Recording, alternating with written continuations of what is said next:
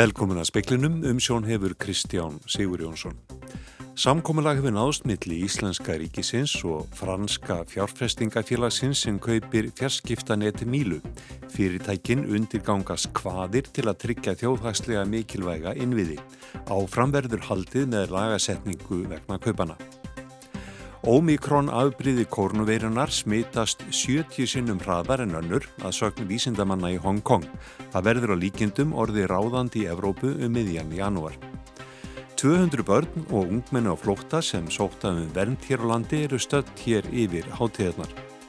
Ekki hefur verið tilkynnt að brotist hafi verið inn í tölvukerfi með lokk fjórin jóðveikleikanum, allir ómissandi innviður og þjónusta starfa eðlega en árásar tilraunum hefur fjölga mikið.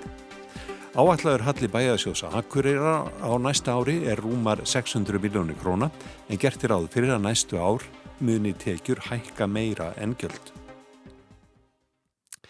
Íslensk stjórnvöld hafa samið við Síman, Mílu og Ardian Frans S.A. um hvaðir sem fylgja kaupum erlendra, erlenda fyrirtækisins á fjarskipta netum Mílu. Viðskiptin þykja ekki ógna þjóðaröryggi. Mikið hefur verið rætt um viðskiptin og ymsir líst áhyggjum af að þau kynnað grafundan öryggi íslenskra innviða. Starfsópur á vegum fjögur að ráðuneta aflaði sér upplýsingum franska fyrirtækið og komst að þeirri niðurstöðu að það ógnaði ekki þjóðaröryggi. Það byggir ekki síst á því samkominnlagi sem stjórnvöld náðu við erlendu fjárfestana.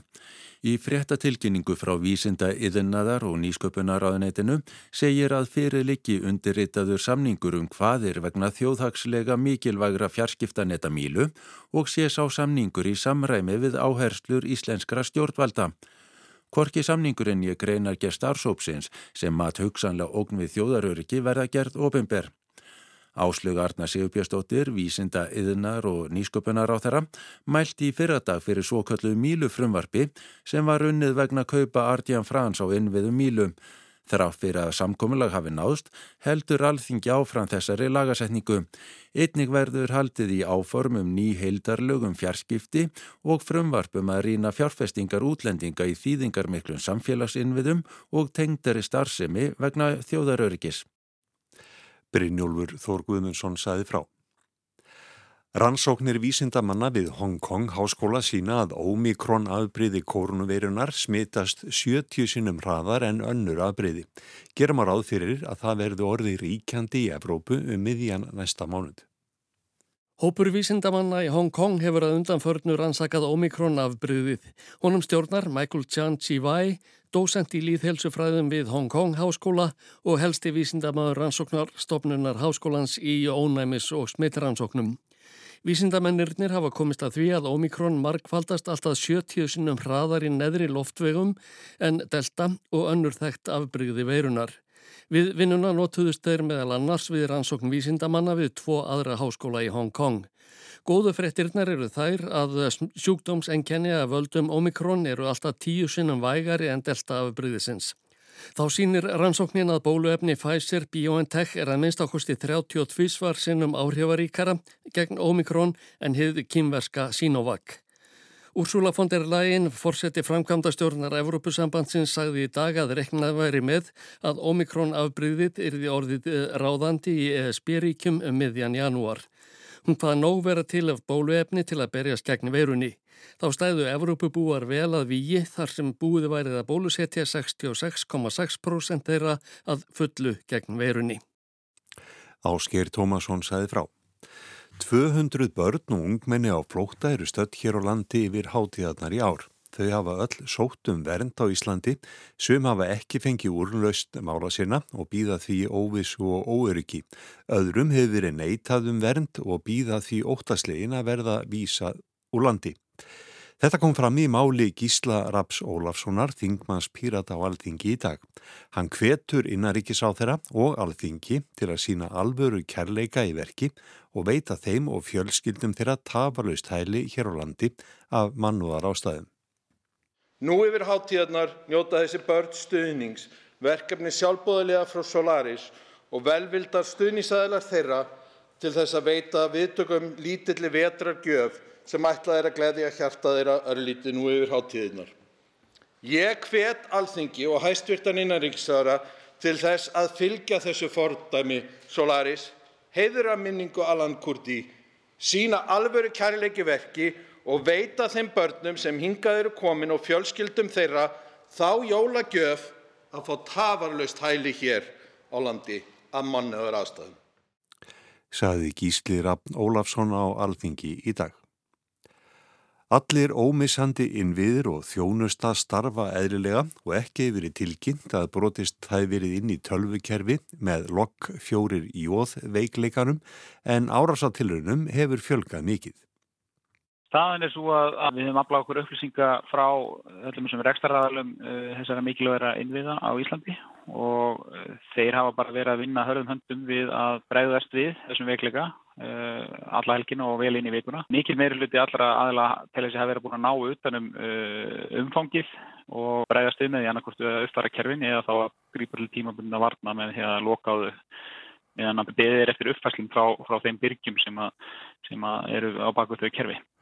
Er eitthvað merkjum að tekist hafa að brótast inn í eitthvað kjærfi? Nei, blessunlega hefur hérna á okkur ekki búin sneina tilkynningar um hefnað innbrott en það er hins vegar gífulega mikil vöxtur í tilrönum til þess að, að brótast inn uh, með þessari aðferð uh, en uppfæslur og þessar tímabundu varnir sem hefur gripið til er að grípa það. Segir Guðmundur Arnar Sigmundsson sviðstjórin Eturíkisveitarinn að Sertis.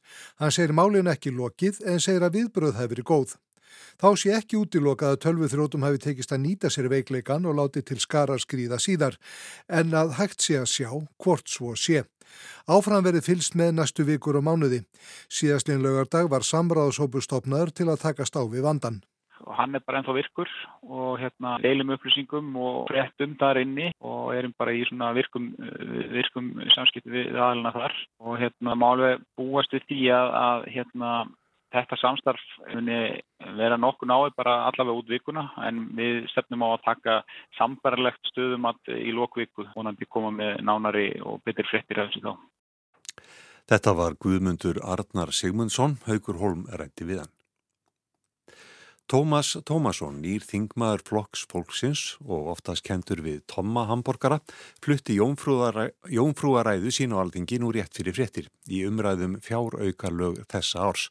Hann byrjaði á að kynna sig og vittnaði síðan í Harry Truman fyrir um pandarækjafósita og sett upp skildi í ræðustól sem Truman var frægur fyrir sem ástóð The Buck Stops Here og áð þá við að leita alltaf að vandanum hjá sjálfum sér. Tómas sagðist vilja láta gott af sér leiða og hann gæti ekki sætt sér við að örirkjar fengju ekki nóg.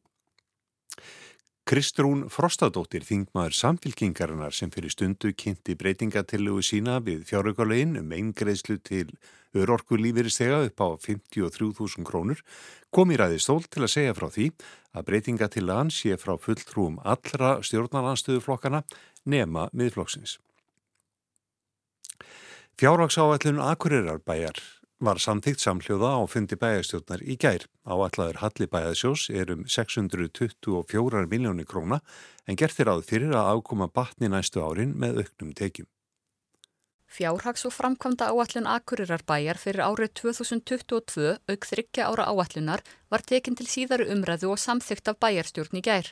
Guðmundur Baldvin Guðmundsson, formaður bæjarráðs, segir Hallan ekki nógu góðan en staðan sé þó betri enn í útgöngusbá ársins 2021. Það er náttúrulega þannig að, að rekstur aðkvæðabæði er stóru og viða mikill og, og við finnum alveg fyrir launahækun sem hafa orðið á, á liðnum árum. Við sjáum líka að það er veruleg halli á málaflokki fallara og hefur aukist að milli árana sem er á ekki efni og við hefum kallað eftir því að ríkið komi með frekari fjármögnum á þessu málaflokki. Rekstri öldrunarheimila var skila til ríkisins á síðasta ári og segir Guðmundur að það hafi leitt til þess að afkoman hafi orðið skári en ella.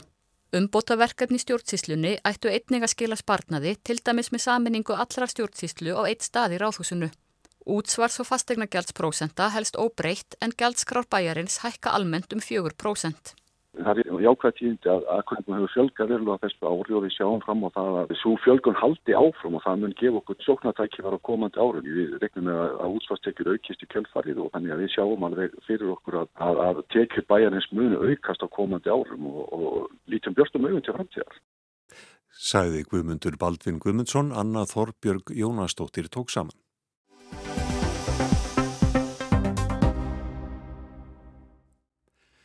Kjarasamningur grunnskólakennara og sambands íslenskra sveitarfélaga rennur út um næstu áramót. Viðræður um nýjan kjarasamning hafa ekki búið árangur og nú hefur kjaradeilni verið vísa til ríkisáttasemjara. Hann hefur búið deilendur á samningafund á förstu daginn þann 17. desember. En afhverju eru grunnskólakennarar með lausan samning núna þegar kjarasamningar á almennu vinnumarkaði renn ekki út fyrir henni í byrjun november á næsta ári og flestir samningar ofinbera starfsmanna hjá ríki og sveitafélagum ekki fyrir enn vorið 2023. Grunnskólakennarar voru aftalega í rauðinni þegar hafist var handa við að ganga frá samningum í kjölfar lífskjara samningana við hildar samtök launafólks í april 2019. Ekki var skrifað undir kjara samning við grunnskólakennara fyrir inn í byrjun september 2020 í annari bylgu COVID-faraldusins. Ljóst var að sveitafélagin höfðu orði fyrir fjárhæsluðu höggi vegna hans og því var niðurstaðan svo að semja til skams tíma til 16 mánada og nú er stundin að renna upp. Þorgerður Lauvei Dýriksdóttir er formaður félags grunnskólakennara. Við gerðum svo stuttan samning vegna þess að við töldum okkur eiga eftir að ræða útfærslu á tveimur stórum málum sem fylgdu lífskerðsamningnum. Það var 30 dagar orlósréttur allra launþega og svo það sem kallast betri vinnutími eða stittri vinnuvika. Þetta hefur ekki náðust raunverulegt samtali um þetta á þessum tíma en við vildum gefa okkur tíma í að ræða þetta, þess að flokna útfærslu og vorum þess vegna raunverulega með stuttan samning sem við ætlum þá að endur nýja núna í, í fyrsta januar. Þetta er svona samningu sem er gerður hösti 2020 og rennur út núna um, um áramótin. Já. Og hvernig er staða núna? Staðan er umhverfað svo að við höfum ekki fengið alvöru samtali um þessi úrlausnarefni og aftur lífskjara samningurinn er svona tímamóta samningur. Þarna er verið að taka 50 ára 40 klukkustunda vinnuviku í íslenskara launþega og fletta ofan af því og reyna að skoða svona hvernig við getum haft vinnutíman öðruvísi eldur en það sem var sett í lög áður. Jáfnframt voru fjórir dagar eða 192 vinnustundir sem var þó lögbóðið orlofs réttur allra launþega.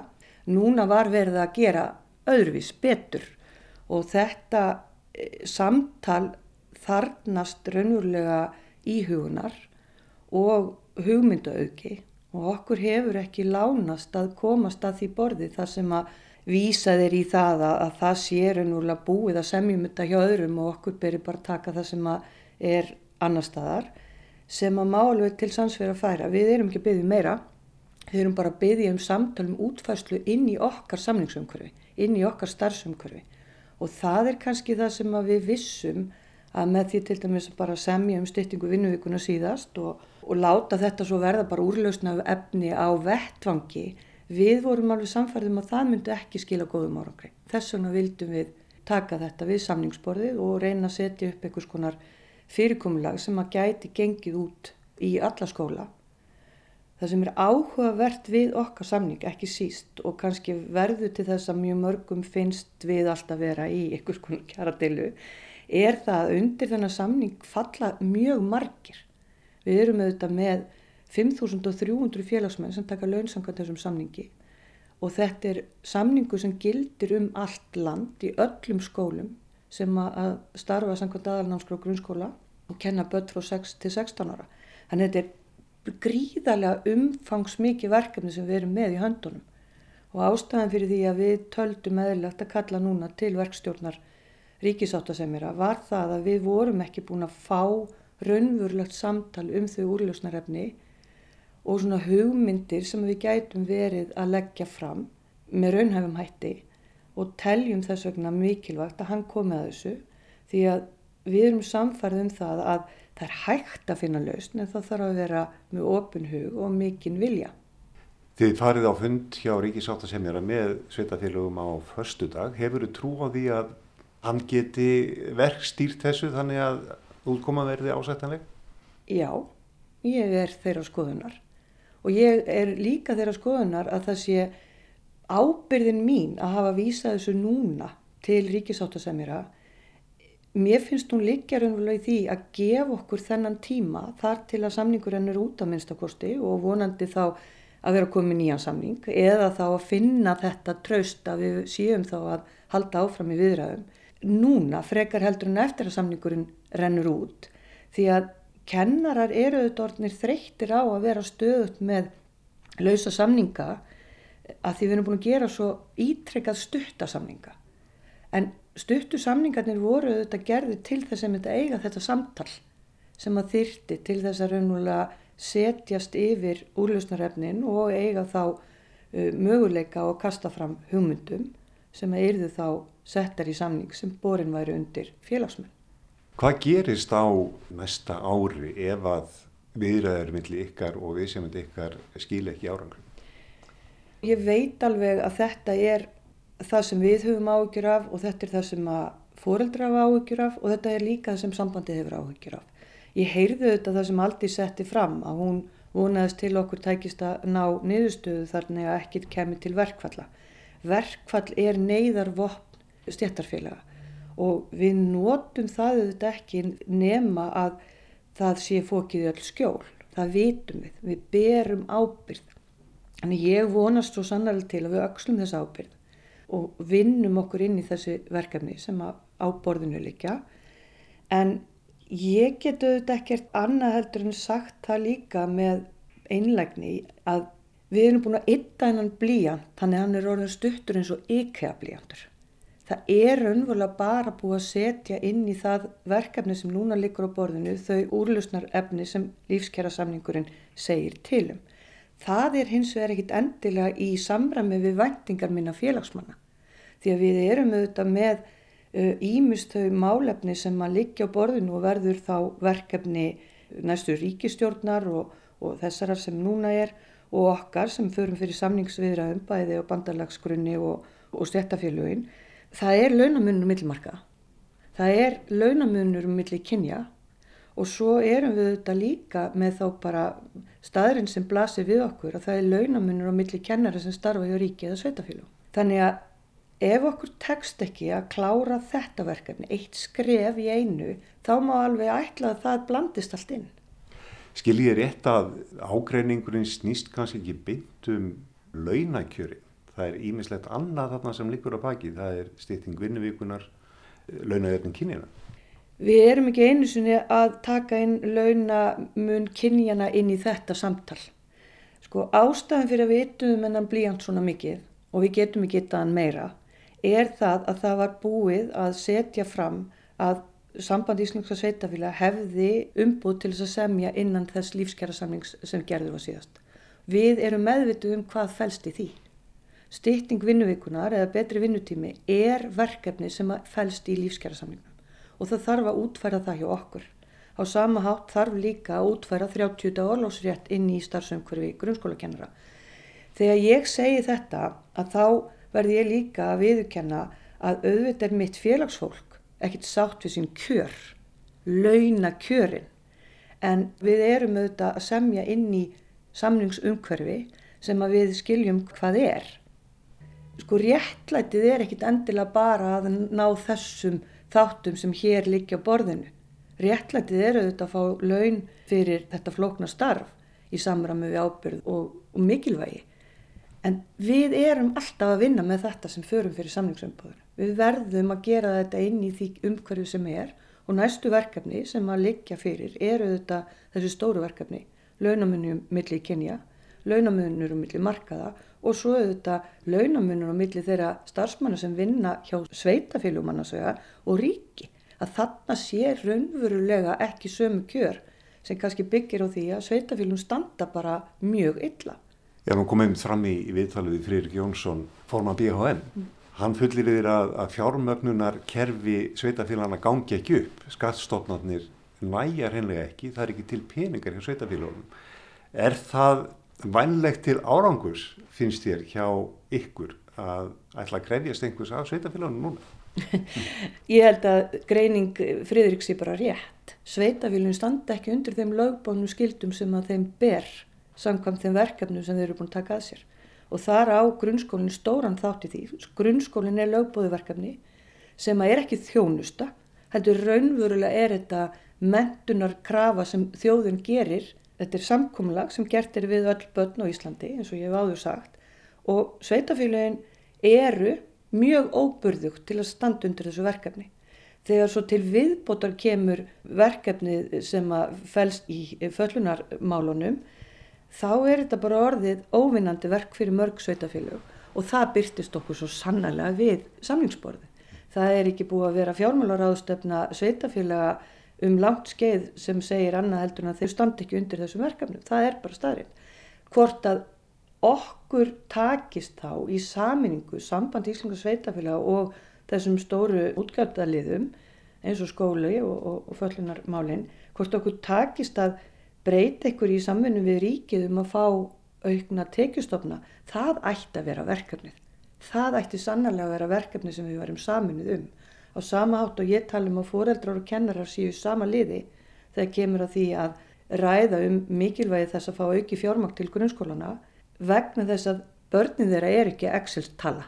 Við erum sannlega að vinna með flókna útfærslur og fjármagnin til skólana dugar ekki. Nú þegar.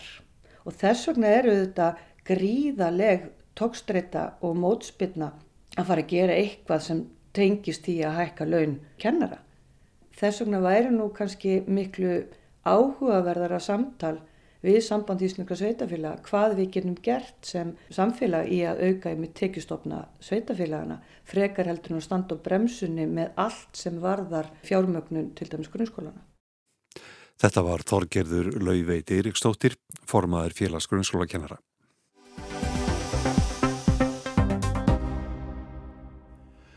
Hvít rúsneski aðgerðarsinninn og videobloggarinn Sergei Tsíkanovski var í gæri dændur til 18 ára fangilsisvistar. Húnum er gefið að söka hafa stöðlaða glundróða og sáð hatri í samfélaginu.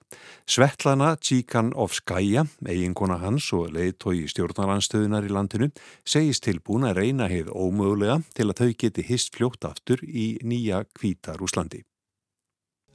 Mikita zaginu za našu i vašu svobodu. Sergei Tsíkanovski skauðst óvænt fram á sjónarsvið kvíturúsneskra stjórnmála í aðdraðanda fórsetakostninga í fyrrasumar. Honum er líst sem sannkölluðum götu pólitíkusi, manni sem á auðvelt með að rýfa fólk með sér. Tsíkanovski vann við kvikmyndagerð en ákvað árið 2019 að opna rásinna land fyrir lífstíð á YouTube. Kveikjan segir hann að hafa verið samtöl sem hann átti við bladamenn sem töluðu um glæpsamlega vannrækslu og lögleysu kvítrúsneskra stjórnvalda. Eftir að hafa fengið áskoranir frá fylgjendum sínum til kynntan voru 2020 að hann hefðist bjóða sig fram gegn Alexander Lukasjenka sem kallaður hefur verið síðasti einræðisherra Evrópu í fórsættakostningum í ágúst. Я, Сергей Тихановский, белорусский предприниматель и блогер, заявляю о своем намерении участвовать президентской кампании в качестве кандидата в президент. Hann bóðaði til mótmælafunda undir yfirskriftinni stöðvum kakkalakkan og hvati fólk til að hafa með sér inni skó sem mörgum þykja hendugir til að kremja slík kvikindi. Í grein Guardianum kostningarna segir að í fyrsta sinn í langan tíma hafi komið fram mótframbjóðendur sem raunverulega ógnuðu Lukasjenka, ekki bara hinnar hefðbundnu leikbrúður. Ímislegt hafi haft áhrif, slæmt efnagasástand, slög viðbröð stjórnvalda við kórnuverufaraldrinum, valdebling almennings og gaggrínin umræða sem náði að þrýfast á samfélagsmiðlum. Í gegnum tíðina hefur oft farið ítla fyrir þeim sem ógna leðtóanum sem hefur setið á fórsetastóli frá 1994 og svo fór einni í þetta skiptið. Ekkert varð af frambóðið Tsíkanovskís Kostninganemdin hafnaði frambóðsgögnum hans þar sem hann sata þessum tíma í varðhaldi fyrir að taka þátt í mótmælum. Í staðin steg fram kona sem flest okkar kannast líklega betur við. Hún kom hingað til Íslands í voru í bóði stjórnvalda. Svetlana Tsíkanovskaja, eiginkona Tsíkanovskis sem áður var heimavinnandi með börn þeirra tvö og hafði valið sér það hlutskipti, ákvaða bjóða sig fram í hans stað. Hvað gerur ekki fyrir þann sem þú elskar, spurði hún í samtali við New York Times. I'm sure that they did this just to laugh at me. They were sure that people will never vote for a woman, for unknown person, for housewife. Það kom henni stórkostlega óvart að fá frambóðið samþygt. Líklega óttuðust stjórnvöld ekki konu, húsmóður, Hún geti kannski fundist þetta fyndið, sagði hún. Tsíkanovski losnaði úr varðhaldi 20. mæ 2020 og í eina viku gatt hann lagt baráttu konu sinnar lið með því að sapna undirskriftum og koma fram á fjöldafundum. Rúmri viku setna var hann handtekinn aftur, gefið að sög að hafa notað YouTube-rás sína til þess að skipulegja óeirðir og kinda undir hatri. Lukasjenka sigraði kostningarnar með yfirburðum. Alþjóðasamfélagið hefur ekki viðurkjent niðurstöðuna og grunur um kostningasvindl var til þess að töyir og í sömum tilvikum hundru þúsunda þust út á götur höfuborgarinnar Minsk til að mótmæla. Mótmælendum var mætt af hörku, fjöldi fangelsaður og pintaður og svo fóra Svetlana Tríkonovskæja sem margir töldu sannan sigurvegara kostningana flúði land, fór til Litáens. Henni höfðu þá borist hótanir um að hún er þinn nefti fangelsi og börnin senda á heimili fyrir munaðalösa. Frá því í mægi fyrra hefur Tsíkanovski setið inni og í gær var dómurinn hveðin upp, átján ára fangelsi. Réttarhöldir voru einn þau lengstu í sögu Kvítarúslands, stóði í 173 daga fyrir luktum dyrum. Samhliða voru yfir 30 úr teimið Tsíkanovski stæmtir, 5 bladamenn og bloggarar hlutu 14 til 16 ára dóm. Forsvarsmenn vestrætna ríkja hafa fordæmt dómana yfir stjórnarhansstæðingunum. Talsmaður Evrópusambandsins sagði þá hluta af hrottafenginni og kerfispundinni kúun sem viðgengist í landinu og Antoni Blinkan, utanríkisráð þar að bandaríkjana, sagði kvorki sagborningarna nýja kvítrúsnesku þjóðina eiga skilið að þurfa að þóla slíka kúunar tilburði. Að mati mannrættindasamtakana Vjasna eru nú 920 pólitískir fangar í Kvítarúslandi. Talsmaður saminuði þjóðuna segir að 35.000 til minsta hafi undanfærið ár verið hnefti varðhald að ástæðuleysu og 20.000 hafi flúið land af ótt af við kúun. Áfram stendur faðmur Pútins Lukasjenka opinn en í vestri rannast upp viðskipta þvinganir og fordæmingar. Hortið til þess fjölda stjórnarandstæðinga, bladamanna og almennra mótmælenda sem hafa verið fangelsaðir og pintaðir, auk aðlagna sem gerðar hafa verið að félagasamtökum og frjálsum fjölmiðlum. Nýjustu vendingar hafa svo ekki aukið vinsældir Lukasjenka. Kvítrúsnesk stjórnvöld eru sökuðum að hafa neitt farþegar þóttur ræjan er til að lenda í landinu til þess eins að geta handsama bladamann sem gaggrínt hefði stjórnina. Og svo eru það flóttamennir berskjölduðu sem Lukasjenka er saður hafa flutta landamærum Pólans í þeim tilgangi að koma höggi á Európasambandið. Þrátt fyrir að hafa aldrei haft í hyggju að verða pólitíkus er Svetlana Tsíkanovskæja orðin helsti leiðtói stjórnarnaðstöðunar og þeirra 2000 sem berjast gegn Lukasjenka og fyrir líðræðis umbótum í landinu. Hún er rödd þeirra á alþjóðavettvangi, hefur áunnið sér virðingu ríkistjórna á Vesturlundum og best fyrir því að þau beiti sér gegn stjórn Lukasjenka. Hún vil ná fram breytingum en hefur ekki áhuga á að leiða þjóðina sjálf, ræðist ábyrðina. Tsíkanovskæja segist lítið hafa heyrt af eigin manni sínum en hún hafi fengið þær upplýsingar að honum hafi verið haldið í einungrunar klefa í tíu mánuði og hann hafi haldið geðhilsunni með því að lesa mikið og skrifa. Hún saðist í samtali við fréttastofu AFP ekki myndu gráta yfir domnum. Hann sé ólöglegur og ótilhlýðilegur og svo staðrind að Tsíkanovski hafi fengið þingsta dómin síni glöglega að Lukasjenka líti á hann sem óvinsinn. Dómurinn hafi verið persónuleg hemd Lukasjenka gagvart hugaðri og dásamlegri mannesku, hans sterkasta andstæðingi. Hún heitir því að halda áfram að berjast fyrir mannin sem hún elskar, mann sem hafi orðið leiðtói miljóna. Hún muni leggja mikið á sig, jafnvel reyna heið ómögulega til þess að þau geti fljótlega notið samvista aftur í nýju Kvítarúslandi. Með lokuðum réttarhöldum yfir pólitískum föngum vil Lukasjenka halda kúuninni áfram í þögn. En heimurinn er að horfa, segir Tsíkanovskaja. Við höldum ótröð áfram.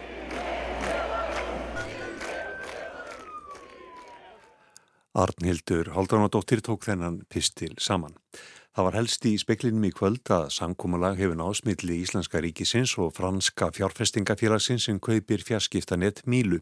Fyrirtækin undirgangast hvaðir til að tryggja þjóðhagslega mikilvæga innviði. Á framverður haldið með, með lagasetningu vegna kaupana. Ómikrón afbreyði koronaveirunar smitast 70 sinum hraðar en önnur að sögn vísindamanna í Hong Kong. Það verður að líkindum orðið ráðandi í Evrópu um miðjan janúar. 200 ungmenni og börn á flótta sem sótt hafum vernd hér á landi eru stött hér yfir hátíðarnar í ár. Áætlaður halli bæjarsjós Akureyrar á næsta ári er rúmar 600 miljónir króna en gertir áður fyrir að næstu ár munu tekjur hækka meira en gjöld. Fleiri er ekki í speklinum, tæknimaður var Mark Eldred, veriði sæl.